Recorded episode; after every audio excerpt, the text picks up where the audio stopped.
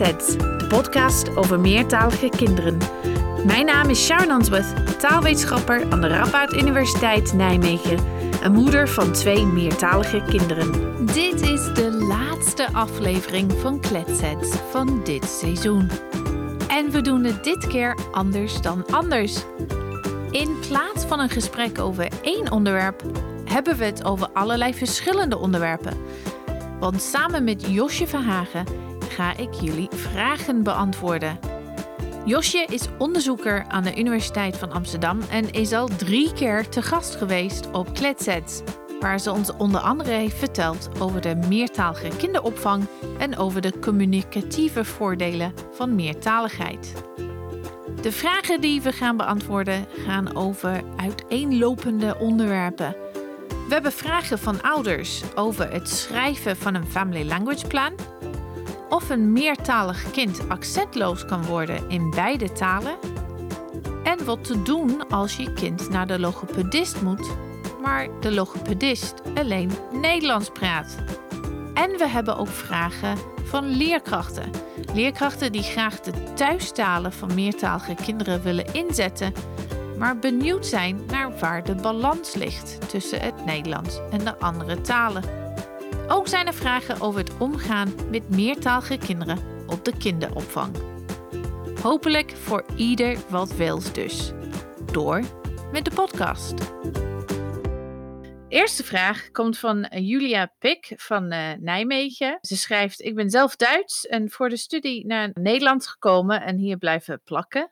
Heel bekende situatie. Nu is ze zwanger van de eerste kindje en is van plan om tweetalige opvoeding aan te gaan. Haar vriend is Nederlands en ze praten Nederlands met elkaar. En dan vraagt ze zich af of het handig is als haar partner Duits spreekt met haar kind om ervoor te zorgen dat haar kind zoveel Duits uh, hoort. Ze schrijft ook: hij kan zich verstaanbaar maken, maar van de grammatica klopt niet zo heel veel meestal. Wat denk je? Ja, ik wilde zeggen, dat lijkt me een veel voorkomende vraag eigenlijk in gezinnen. En ja, mijn eerste gedachte is dat die man van Julia in dit geval, die niet zo heel goed Duits spreekt, zelf moet inschatten of hij zich echt helemaal thuis voelt in die taal, om die taal goed genoeg te kunnen spreken met hun kindje. En als dat niet zo is, ja, dan zou ik denken, dan liever niet. Dat lijkt me ook niet prettig voor hemzelf. Ja. Want dan kan je niet helemaal uh, goed uitdrukken naar je kind toe. En is voor de taalontwikkeling waarschijnlijk ook geen goed idee.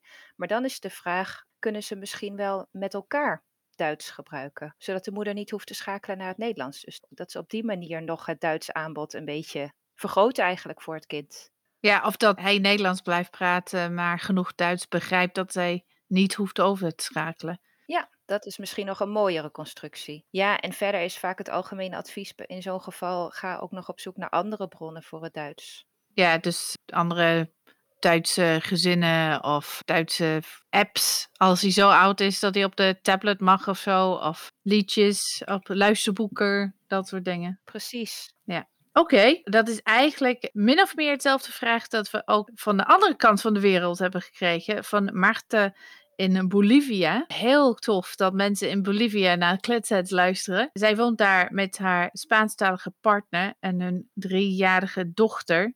En ze gaan binnenkort verhuizen naar Antwerpen. En dan heeft zij de vraag: moet zij Spaans spreken met haar kind? Want ze denkt, ja, Nederlands gaat goed komen. Want op het moment dat ze naar school gaat, gaat het wel beter met het Nederlands natuurlijk. Haar vader wil Spaans blijven praten, maar nu denkt ze, moet ze dat ook doen? En ik denk het antwoord is dan hetzelfde, toch, uh, Josje? Ja, dat ze echt goed even na moet denken over of ze dat ziet zitten. Of ze denkt dat haar Spaans goed genoeg is om echt alle nuances van de taal te kunnen gebruiken, eigenlijk, hè? Ja, het is wel denk ik fijn als je de niet-Nederlandse taal je thuistaal kan maken. Ik denk dat het wel helpt en we zien dat wel uit onderzoek. Dat is de situatie waarin dat het meest waarschijnlijk is dat kinderen echt de, de, de andere taal, de thuistaal gaan spreken. Ja. Want wij doen dat ook thuis. Mijn man is Nederlander, maar die spreekt Engels met onze kinderen. Dat was een echt zo wel overwogen besluit. Niet door mij, door hem. Hij vond het wel fijn om Engels als ons thuistaal te hebben. En ik moet zeggen dat dat wel echt goed werkt. En heeft hij ook altijd gedacht, het was een goed besluit? Of zijn er ook wel eens fases geweest waarin hij dacht, het is toch lastig? Of... Nee, ik heb hem, hem dat nog nooit horen zeggen. Nee. Nee. En hij spreekt ook ongelooflijk goed Engels, Ja. toch? Dus in zijn geval, ja, is het ook heel goed te doen. Ja, ik durf te wedden dat zijn Engels ook beter is geworden. En mijn Nederlands is zeker slechter geworden. Oh, dat is de andere kant. Ja. Nou, zullen we misschien doorgaan naar de volgende vraag? Ja, die komt ook uit eh, Nijmegen, ook van Julia. En zij zegt in de podcast wordt het belang van het maken van een language plan, dus een taalplan, benadrukt. En ze loopt eigenlijk een beetje vast erop. Ze zegt, hoe maak ik dan zo'n plan? Hoe gedetailleerd moet het zijn? Waar moet ik op letten? Nou, wat zijn jouw gedachten? Nee, dit zijn niet mijn gedachten, maar de gedachten van Eowyn Crisfield. Want ze heeft een prachtig uh, boek geschreven hierover. Het heet Bilingual Families. A Practical Language Planning Guide. Eowyn is ook vorig seizoen te gast geweest op Kletset en heeft eigenlijk deze stappen uitgelegd. Maar in haar boek gaat ze daar veel dieper op in. En dan wat ze schrijft is dat je in ieder geval in je plan uh, de volgende dingen moet hebben. Dus de language goals, dus de, de doelen, welke talen gaat het om en waarom wil je dat je kind die talen spreekt. Het heeft natuurlijk te maken met de gezinssituatie, dus welke talen zijn überhaupt aanwezig in het gezin.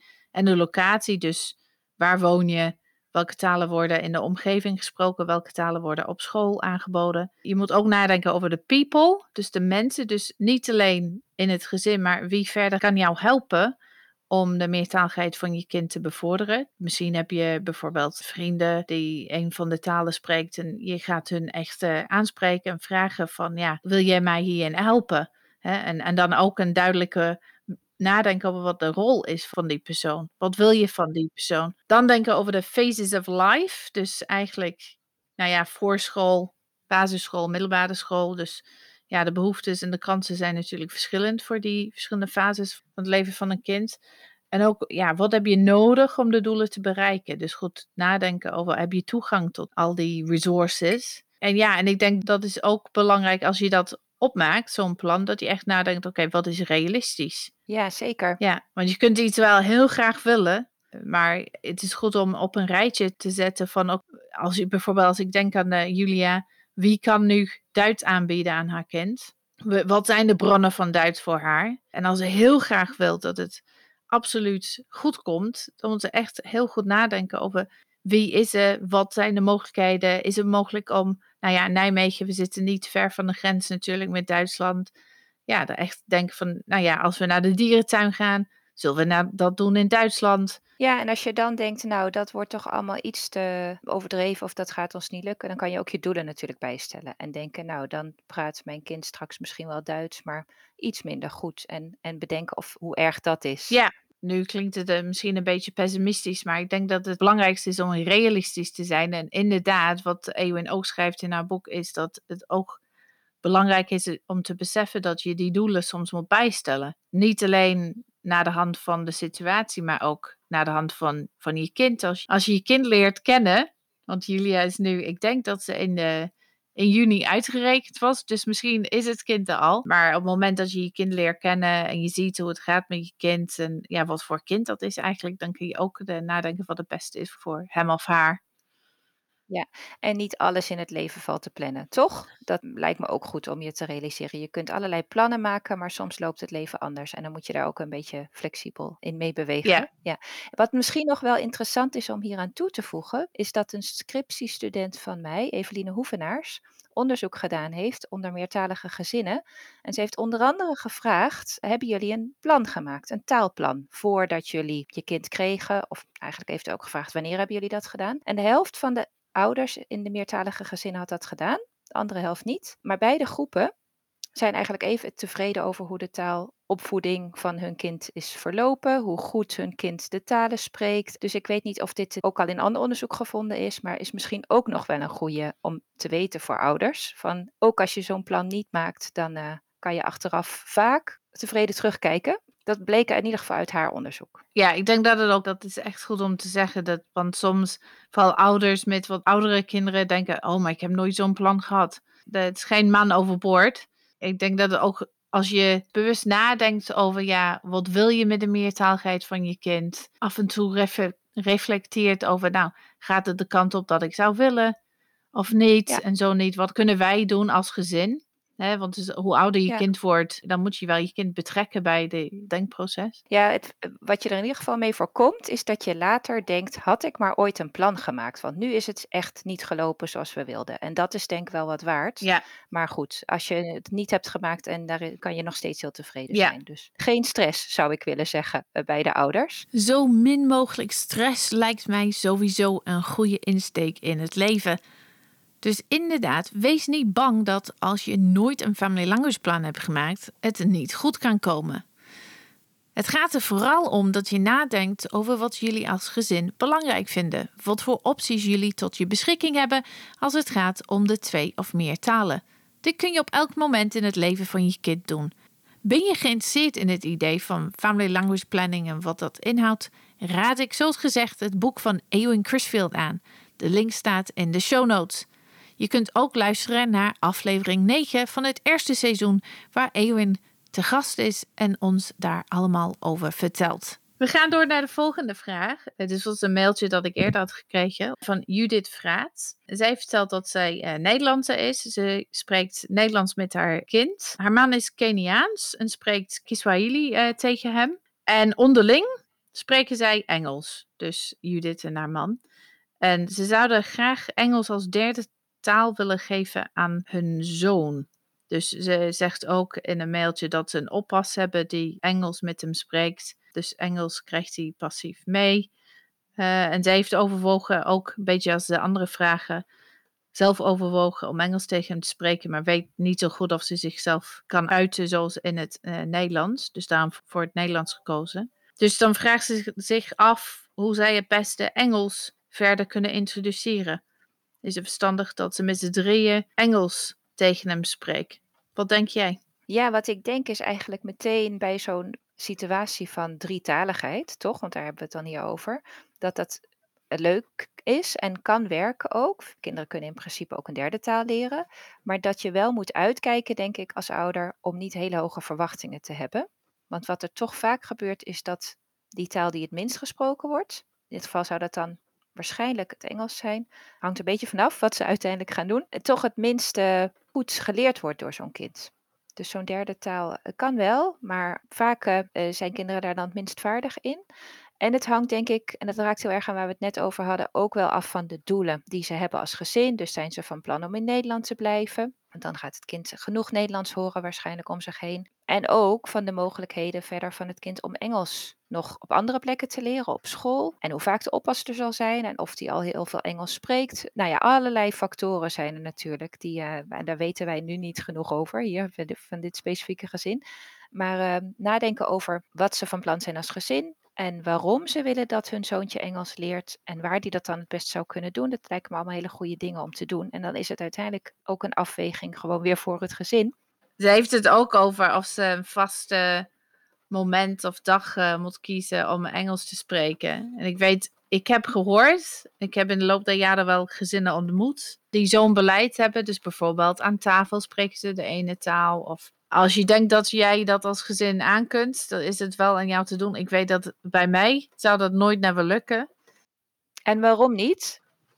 Wij zijn niet zo consequent in dat soort dingen, denk ik. We gaan wel een mooie regel bedenken, maar of we gaan het vergeten, of we denken, ja, nou weet je, aan tafel, ik wil eigenlijk wel horen hoe het met je gaat en wat je hebt gedaan vandaag. Ja, ja het is te geforceerd in jullie geval om je daar dan ook aan vast te houden. Ja, maar bij andere gezinnen, ik weet dat het wel goed lukt. Dus, wederom, gewoon echt gaan nadenken, wat past bij jou en je gezin. Ja, nou er zijn ook vragen binnengekomen van leerkrachten. Frederike Groothof bijvoorbeeld heeft een vraag gesteld die erover gaat dat kinderen in de klas op school hun thuistaal kunnen gebruiken. En uh, wat zij om zich heen hoort is eigenlijk de vraag van leerkrachten van ja, hoe ga je daarmee om?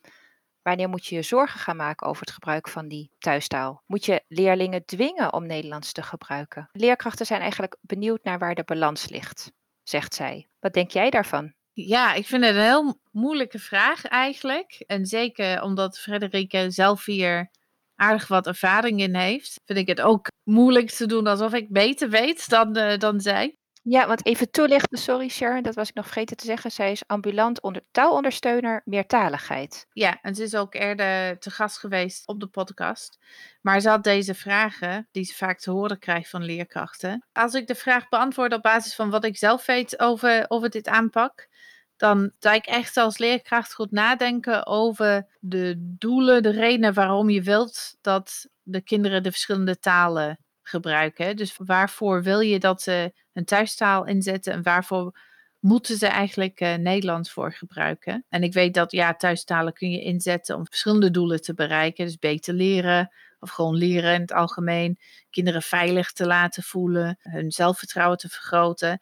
Dus ik denk dat het antwoord op deze vraag, uh, hoe ga je daarmee om, hangt een beetje af van ja, de, de doel dat je voor ogen hebt als leerkracht bij het inzetten van die verschillende talen. Dus niet echt heel erg inhoudelijk antwoord, maar zou me ook afvragen als leerkracht, wanneer is het strikt noodzakelijk om Nederlands te praten? En wat vind je zelf fijn? Dan echt daarover hebben met de, met de leerlingen. Hangt een beetje vanaf hoe oud ze zijn misschien, maar... Mm-hmm. Zou het ook goed zijn om eens even te kijken e-, eerst, een, een, week bijvoorbeeld, van wanneer spreken ze nou eigenlijk die andere talen? Dat je dat een beetje in kaart hebt eigenlijk voordat je zo'n gesprek voert met ze. Misschien kom je er dan ook wel achter dat het eigenlijk helemaal niet zo vaak is als je dacht. Of dat het vooral tijdens het buitenspelen is en het verder uh, op geen enkele manier doelen in de weg staat. Ja, ja, en ik denk dat dwingen, en dat schrijft uh, Frederike ook dus aanhalingstekens. Ik ben zelf geen leerkracht op een, uh, op een uh, basisschool natuurlijk, maar wij, ja, wij on onderwijzen ook aan de universiteit. En op het moment dat er iets van een dwing, je moet dit gaan doen, werkt dat vaak averechts. Zeker, ja. Ja, en bij jongere kinderen is dat misschien nog sterker zo. Dat hoe meer druk je oplegt, hoe interessanter het misschien wordt om iets toch te doen. Dat risico is er wel. Dus dwingen is, lijkt me zeker geen goed idee. En ik denk ook dat veel leerkrachten zich dat realiseren. Ja, natuurlijk. Maar eerst eens even kijken, wat doen ze nou precies? En dan misschien daar gesprek over met ze aangaan van waarom praten jullie nou eigenlijk die taal? En zonder dat negatief te laten klinken verder, maar gewoon open en geïnteresseerd de kinderen tegemoet treden. En misschien kom je wel heel gezamenlijk op goede afspraken uit waar iedereen uh, blij mee is. Dat zou het mooiste zijn, denk ik. Ja. Deze vraag is eigenlijk ook nog langsgekomen via een leerkracht zelf. Melissa Welle geeft les aan uh, groep 3 en zij zei ook van ja, op onze school zie je ook wel dat een groepje kinderen bijvoorbeeld veel Turks met elkaar spreekt, maar ook op die manier zich een beetje afzondert. Minder Nederlands hoort en spreekt dan eigenlijk goed zou zijn voor die kinderen. Want hun taalontwikkeling in het Nederlands nou ja, verloopt niet heel voorspoedig. Dus ze zouden echt gebaat zijn bij wat meer Nederlands. Ja, hoe ga je daar dan mee om? vroeg zij. Nou ja, ik denk dat het wel goed is om te beseffen, en ik vermoed dat Melissa dat wel uh, beseft, dat het Turks uh, goed uh, beheersen is ook belangrijk. Hè? Dus je bouwt voort op je eerste taal om je tweede taal te leren. Ja. Dus in die zin is niks mis mee, maar ik snap wel dat dat niet fijn is als er een groep leerlingen zijn die zich afzonderen op school. En daar zou ik ook zeggen, nou ja, wat jij net zei, ook even observeren, vaststellen van hoe groot is het probleem en het over hebben met de kinderen van ja, waarom doen jullie dat? Ja, het kan natuurlijk zo zijn dat ze gewoon in die taal veel makkelijker met elkaar kunnen praten. En dat het spel dan leuker is. En dat het gewoon fijner is om met elkaar om te gaan als ze die taal mogen spreken. Dat het echt een middel is tot een doel. Een sociaal doel in dit geval. Ja, en leerkrachten zijn er denk ik heel bedreven in om om te gaan met groepjesvorming en een beetje en uitsluiting uh, door kinderen. Ik denk dat dat allemaal uh, ja, ook dingen zijn die ze in andere contexten veel tegenkomen. Dus los van meertaligheid, dat ze daar dan goed mee om kunnen gaan. Wat denk ik heel belangrijk is, is dat die Turkse kinderen zich niet in de hoek gezet voelen. Dat er ook niet van uitgegaan wordt dat het moedwillig gebeurt. Misschien hebben de kinderen het niet eens in de gaten. Dat het voor andere kinderen soms moeilijk is. Ja, dus zonder vooroordelen zo'n gesprek voeren lijkt mij. Uh... Ja, en ik denk misschien om die kinderen een beetje uit hun groep uh, te trekken. Nou ja, vraag ze om uh, wat, wat spelen jullie? En dan ja. misschien een paar Turkse woordjes leren en ook eh, met de klas leren. En dat er ook een spel van gemaakt wordt dat de andere kinderen erbij getrokken kunnen worden. Dus ook de andere kant op. Ja.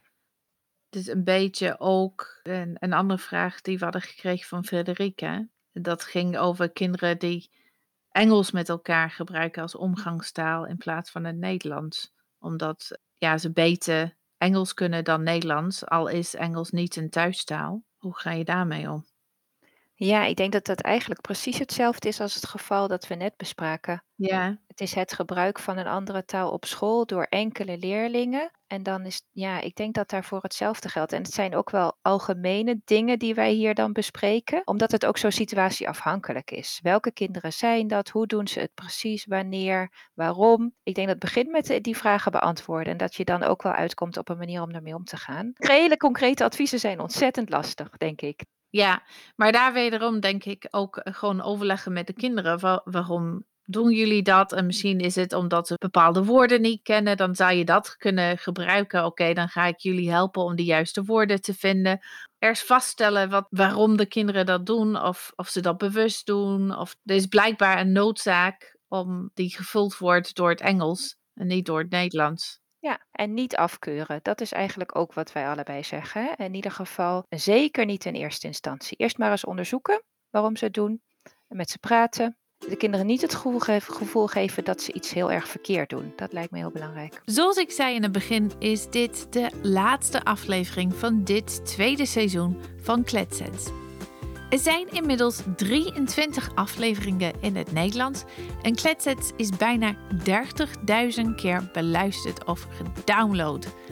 Een mooi moment dus om na te denken over hoe verder. Toen ik begon met Kletsets waren de afleveringen slechts 20 of 25 minuten lang. Maar tegenwoordig zijn ze eerder twee keer zo lang. Is dat te lang? Wat denken jullie? Luisteren jullie liever naar kortere afleveringen, maar dan twee keer in de maand in plaats van één keer? Of vind je het prima zo? Vinden jullie alle delen van Kletsets even leuk? Zijn er onderwerpen die je graag meer over wilt weten? Of juist minder? Laat het me weten door een paar korte vragen te beantwoorden via onze website kletsetpodcast.nl slash enquête en anders op de link te klikken in de show notes. Ik hoor heel graag van jullie. Van dezelfde Frederike, Frederike Groothof, ehm, kregen we ook een vraag die eigenlijk gaat over logopedie. En zij zegt, als er geen tweetalige logopedisten zijn, wat is dan beter? Alleen de Nederlandse taalontwikkeling testen of door iemand anders, misschien iemand uit het buitenland, een logopedist, ook die andere taal van een kind laten onderzoeken. En dan is er natuurlijk wel het nadeel dat die andere logopedist, of dat het de gegevens voor de andere taal, de thuistaal van het kind meestal, dat er geen normgegevens voor zijn. En dat die persoon misschien niks weet van meertaligheid um, of van invloed van het Nederlands. Dus haar vraag is, wat is het best om te doen in zo'n geval, als er geen tweetalige logopedist is?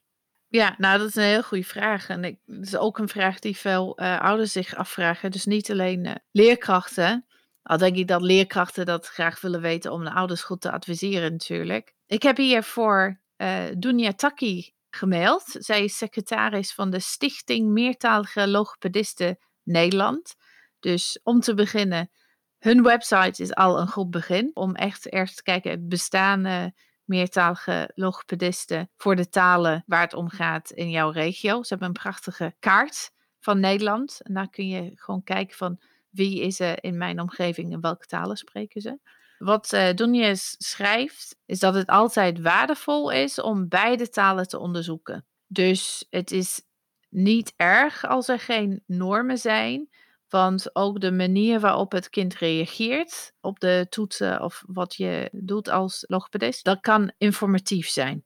Uh, dus de manier waarop ze ja, de taal uh, aanhoren, verwerken en reageren. Het observeren daarvan kan je heel veel informatie geven als logopedist. En het is wel zo dat, wat Frederike aankaartte, dat weten wat de mogelijke invloed kan zijn van de ene taal op de andere, dat dat wel zeer waardevol is. Dus het is wel mooi dan als je misschien wel iemand kan vragen, iemand anders hulp vragen van iemand anders die wel informatie heeft of kennis heeft van die andere taal. Dus bijvoorbeeld een eentalige logopedist bent in Nederland, als een kind dan wel bij een nog een eentalige logopedist in het buitenland gaat. Ja, misschien kan je wel iemand vinden die die andere taal spreekt, of de ouder vragen, of eh, om meer informatie in te winnen over de andere taal en de eigenschappen daarvan. Eigenlijk is een soort grote puzzel, hè, waar je allerlei stukjes moet proberen te halen van verschillende plekken en die samen te brengen. En je hoeft niet zelf al die antwoorden te weten, maar je moet wel bereid zijn om als een soort detectief op speurtocht te gaan van oké, waar kan ik alle informatie vandaan halen? En dan proberen een zo goed geïnformeerd beeld te vormen. Ja, en uh, het antwoord is eigenlijk uh, in dit geval, als er geen meertalige logopedist is, zoek dan een logopedist die thuis is in die andere taal van het kind. En dat is dan één puzzelstukje waar je in ieder geval uh, wel iets aan kunt hebben. En ik kan me ook voorstellen, ik weet niet of dat zo is, want ik ben zelf helemaal geen logopedist, maar is dat je daarmee bepaalde dingen wel kunt uitsluiten. Dus als een kind heel erg thuis is in die taal, heb je misschien ook niet zo heel harde gegevens nodig. Dan heb je dat snel gezien ook wel in die tests. Stel als je wilt onderzoeken of een kind een taalontwikkelingsstoornis heeft. Als een kind dat heeft, heeft hij het in beide talen. Dus als een kind, bijvoorbeeld een meertalig kind, zich niet zo goed heeft ontwikkeld in het Nederlands, dus het gaat om een achterstand in het Nederlands. Maar wat jij terugkrijgt van de logopedist in het buitenland is, nou ja, een, een andere taal, daar gaat het prima mee. Ze doen zelfs vol aan eentalige normen dan weet je als logopedist dat er dan geen sprake is van een taalontwikkelingsstoornis. Zover ik het begrijp. Uh, we hebben trouwens een hele aflevering hierover uh, van vorig jaar van uh, Miriam, Bloementaal van Koninklijke Kentalis. En daar wordt heel goed uitgelegd hoe je moet omgaan met logopedie met meertalige kinderen. Dus ik hoop dat dat wel Frederike genoeg informatie geeft om door te geven aan haar collega leerkrachten. Uh, zodat zij verder kunnen doorgeven aan de ouders hoe je moet omgaan met logopedie. Die informatie over die thuistaal is heel belangrijk. Ik denk dat dat het in een notendop is en kan niet gewoon genegeerd worden. Ja, en waarom die precies belangrijk is, daarvoor kan men ook luisteren, denk ik, naar die podcast die je net noemde, waar Mirjam Bloementaal uh, in te horen is. Er is ook een Engelstalige aflevering over taalontwikkelingsstoornissen bij meertalige kinderen en hoe je als ouder een logopedist hiermee om kunt gaan. Dus heb je een familielid of vriend die geen Nederlands spreekt en hier meer over wil weten, dan kun je deze aflevering als tip doorgeven. Het gaat om de derde aflevering. How do you know if a bilingual child has a language delay? We hebben het nu over leerkrachten. Maar ik weet dat jij jouw onderzoek, uh, Josje, jij werkt samen met pedagogische medewerkers aan de kinderopvang. Of veel van jouw onderzoek gaat uh, daarover. Hè? Want daar hebben we het ook uh, over gehad. In de allereerste aflevering van dit seizoen eigenlijk. Of de tweede, ik weet het niet meer. Maar in ieder geval over meertalige opvang. Ja. Wat voor vragen krijg je jullie daar? Nou, een aantal van die vragen gaat over wat doe je als een kind iets wil vertellen in een taal die je niet begrijpt. Want de kinderen zijn nog zo jong. Op de kinderopvang, in ieder geval de kinderopvang waar, wij naar kijken, dat is de voorschoolse opvang. Maar wij kijken meestal naar uh, peuters, dus kinderen van twee en drie jaar.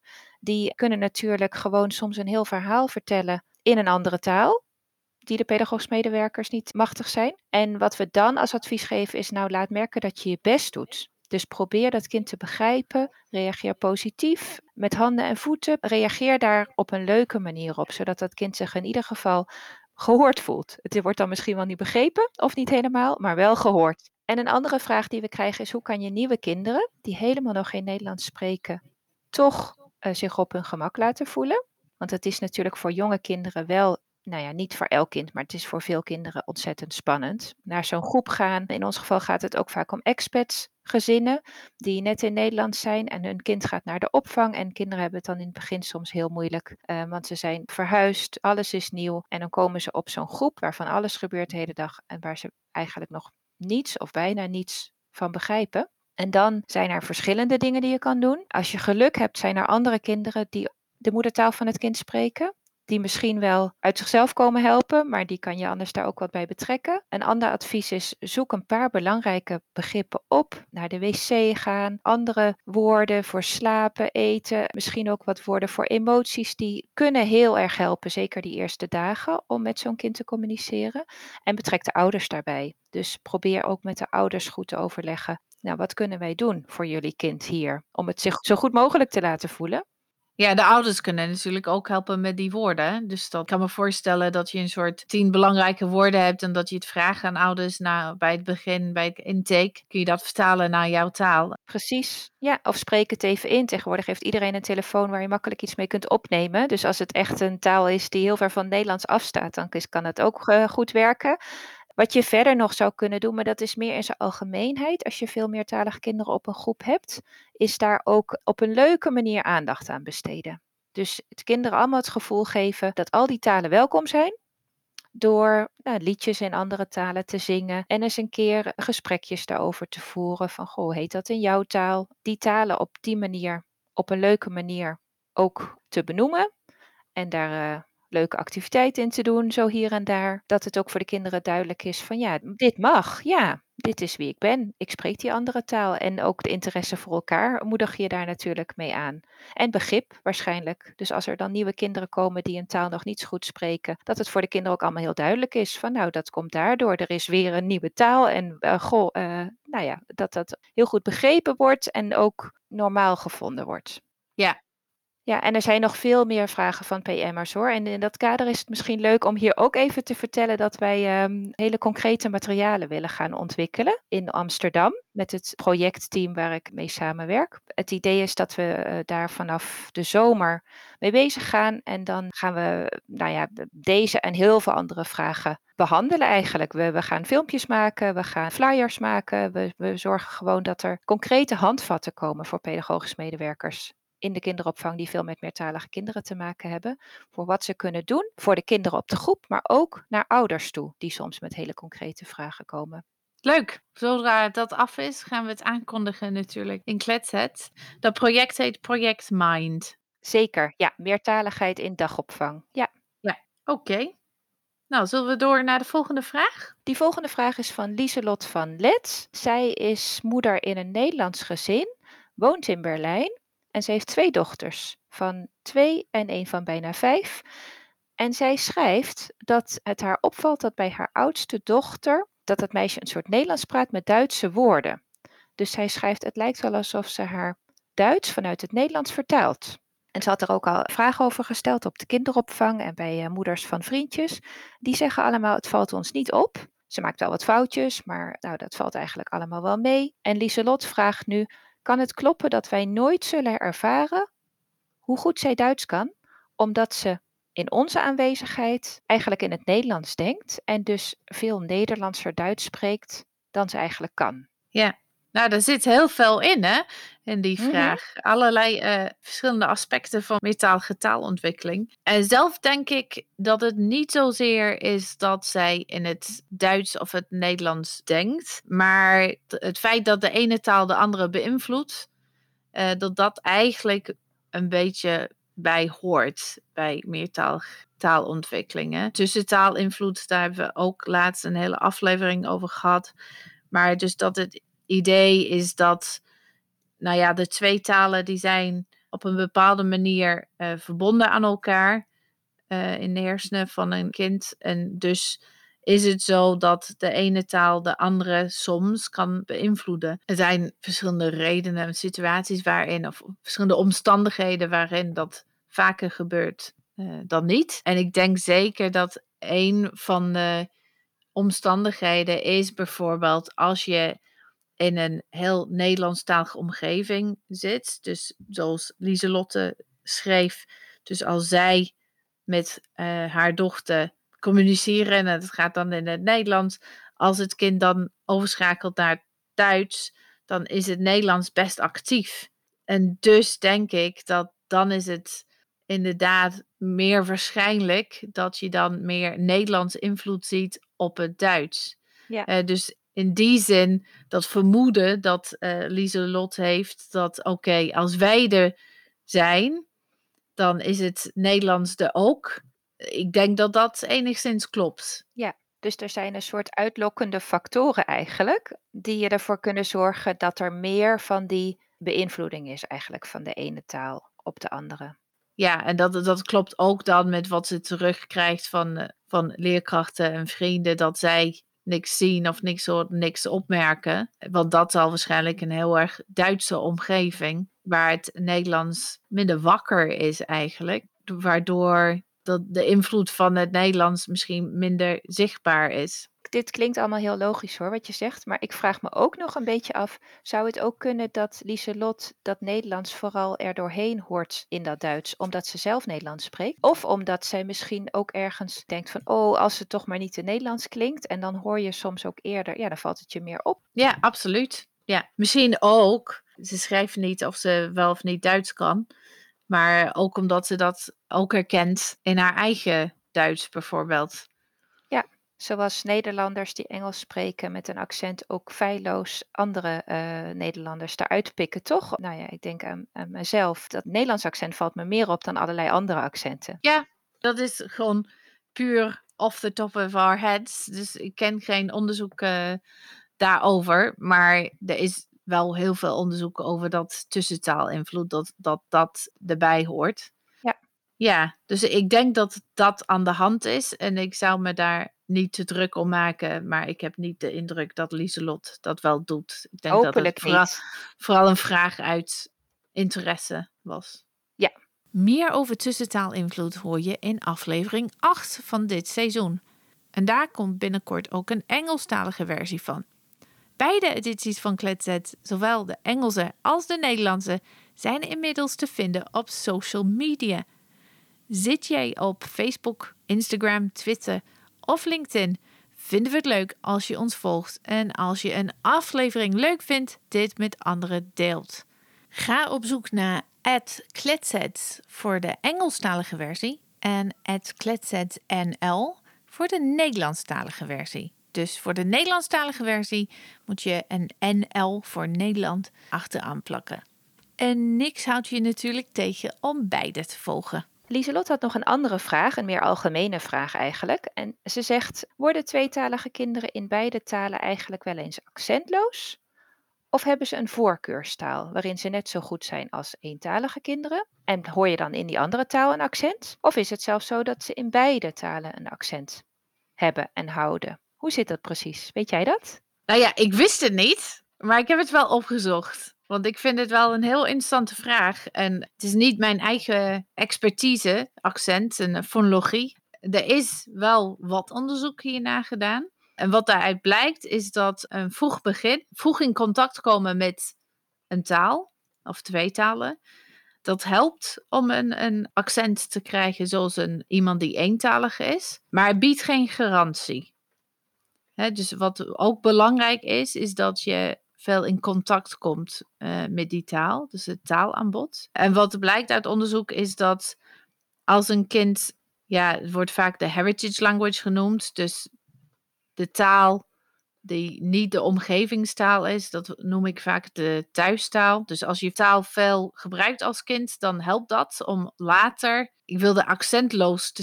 uh, spreken, maar dat is het ook niet. Het is heel moeilijk om dat te verwoorden. Ja, het woord moedertaalspreker komt bij mij omhoog, maar ook dat is niet ideaal, toch? Want nee, je kunt ook nee. meerdere talen als moedertaal hebben en wat is een moedertaal precies? Dat is ook nog, daar kan je ook een aflevering aan wijden, denk ik. Ja, absoluut. Maar dus wat ook blijkt uit onderzoek is dus hoe later iemand in contact komt met een taal. Ik noem het maar een tweede taal. Dus hoe sterker het accent. Dus ooit een groot onderzoek geweest onder mensen die opgegroeid waren in uh, Noord-Amerika. Ik weet niet of het de VS of Canada was, van Koreaanse afkomst. En wat zij hebben gevonden is dat als deze mensen als kinderen voor zes jaar in contact waren gekomen met het Engels, dan was er geen duidelijk buitenlandse accent in het Engels. Hun Koreaans werd niet zo goed beoordeeld als het Koreaans van mensen die alleen Koreaans hadden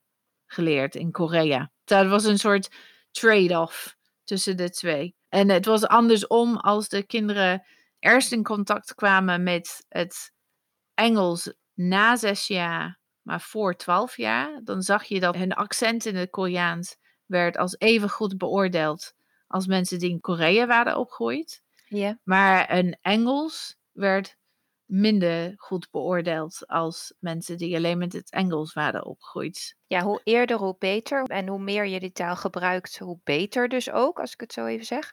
Uh, in zijn algemeenheid. Dat is wat jij nu eigenlijk hier beschrijft, toch? Ja, en ik denk dat het ook goed is om te beseffen dat het in het geval van de, deze onderzoeken, dat het gaat om verschillen die niet altijd te horen zijn in het dagelijks leven. Dus het gaat soms om verschillen die je alleen ziet als je iemand opneemt en je kijkt naar een spectrogram. Dat is een soort ja, plaatje van het spraak. Als je daarnaar kijkt, dan kun je gewoon zien, oh ja, daar ziet het wel anders dan uh, uit bij die meertaligen dan bij de eentaligen. Maar of het echt iets is dat je in een gesprek echt hoort, dat is maar de vraag. Er is wel ander onderzoek waar echt gekeken is naar Frans en Duits meertaligen. Dus volwassen mensen die met Frans en Duits waren opgegroeid. Ze hebben gekeken naar eh, mensen die in Frankrijk waren opgegroeid en mensen die in Duitsland waren opgegroeid. Dus je hebt dezelfde combinatie van talen, maar je, de ene groep groeide op waar Frans de ene taal, de omgevingstaal was, dus de dominante taal, en de andere groep in Duitsland, dus andersom. En wat zij vonden was dat deze mensen, nu volwassenen, waren in ieder geval uh, native-like. Ja, we hadden het net over wat betekent dat eigenlijk, maar ze waren niet anders beoordeeld dan eentalige mensen in de taal van de omgeving. Dus als de uh, meertaligen in Duitsland waren opgegroeid, dan kon je geen verschil horen tussen hun en eentaligen die in Duitsland waren opgegroeid. Mhm. En hetzelfde voor Frans in uh, Frankrijk. En dan hoe het ging met de andere taal. Dus hoe het ging met Frans in Duitsland of met het Duits in Frankrijk. Dat was heel erg afwisselend. dus sommige van deze mensen waren ook niet te onderscheiden van, van eentaligen. En andere hadden een duidelijker accent. Ja. Maar ze scoorden altijd, dus deze mensen die vanaf jongs af aan in contact waren gekomen met die twee talen, die scoorden wel altijd beter dan mensen die die taal als een tweede taal hebben geleerd als een volwassen persoon. Dus beter dan bijvoorbeeld Duitsstaligen die Frans gingen leren als volwassenen. Dus er blijft wel een voordeel van dat uh, vroeg begin. Ja, en dan is denk ik nog goed om te bedenken dat er altijd uitzonderingen zijn. En misschien kennen mensen die ook wel. Mensen die echt pas laat zijn begonnen met het leren van een tweede taal en die tweede taal toch zo goed spreken dat niemand het doorheeft of niemand hoort dat ze die pas later hebben geleerd. Die gevallen heb ik zelf ook in mijn omgeving. Dat kan gewoon. En, en iets anders wat ik wilde zeggen is dat ik ook weet dat er in een onderzoek, en eh, dat is ooit in Nijmegen gedaan door Theo Bongaerts, ook werd gekeken van, goh, dit zijn mensen die leren een tweede taal en we nemen wat zinnetjes op bij die mensen. En we laten andere mensen beoordelen, zijn dit nou eentalige moedertaalsprekers of niet? En we hebben natuurlijk ook dan voor de controle uh, spraak van eentalige moedertaalsprekers. En in dat onderzoek werden ook soms die moedertaalsprekers beoordeeld als niet-moedertaalsprekers.